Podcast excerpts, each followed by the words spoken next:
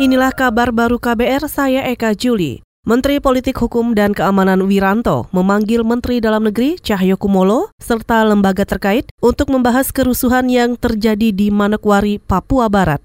Mendagri mengatakan belum mengetahui langkah apa saja yang akan diambil pemerintah. Kami diundang Pak Menko untuk rapat koordinasi uh, mencermati gelagat perkembangan dan dinamika di Manowari khususnya. Itu aja intinya. Sama siapa aja Pak nanti yang hadir? Saya nggak tahu, nanti kita lihat nanti. Itu tadi Menteri Dalam Negeri Cahyo Kumolo. Selain Mendagri, rapat yang digelar di kantor Kemenko Polhukam ini dihadiri oleh perwakilan Kementerian Pertahanan, Polri, dan juga TNI. Pada Senin pagi, saudara, ratusan masa menggelar aksi di sekitar gedung DPRD Manokwari, Papua. Aksi blokade dan pembakaran gedung DPRD itu dilakukan sebagai aksi protes atas persekusi terhadap puluhan mahasiswa Papua yang terjadi di Surabaya, Semarang, dan Malang.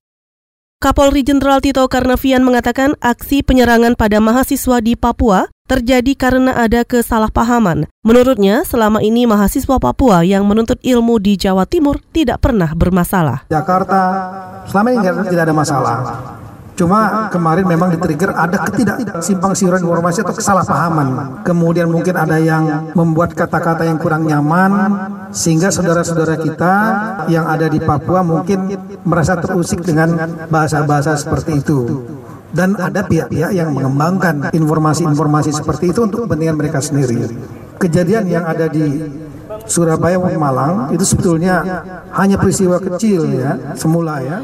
Kapolri Tito Karnavian juga mengajak masyarakat Papua tidak terpancing dengan isu yang bertujuan untuk mengadu domba. Kapolri juga mengajak masyarakat memperlakukan warga Papua dengan baik karena Papua merupakan bagian dari bangsa Indonesia.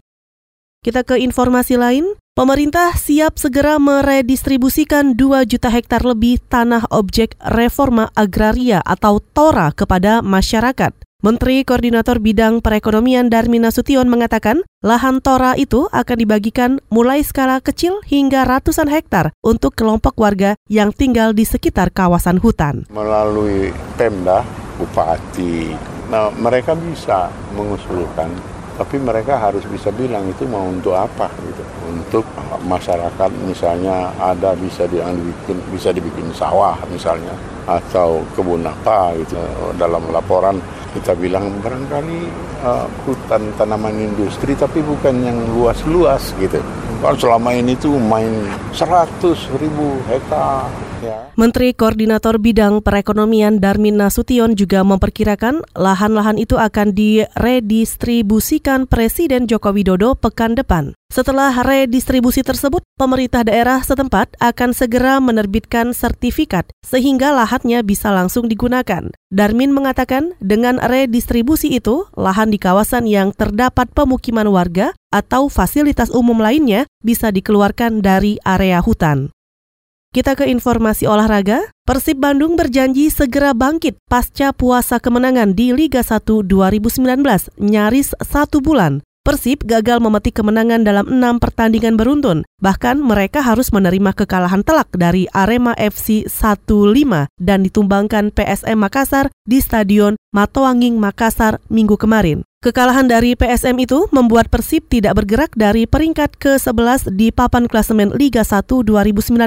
Tim besutan Robert Rene Alberts itu mengoleksi 15 poin dari tiga kemenangan dan 6 hasil seri. Namun Persib Bandung tidak patah semangat. Back Persib Bandung, Ardi Idrus, terus berjuang dan fokus pada laga selanjutnya. Idrus juga yakin mereka segera bangkit dari situasi yang ada. Saudara demikian kabar baru, saya Eka Juli.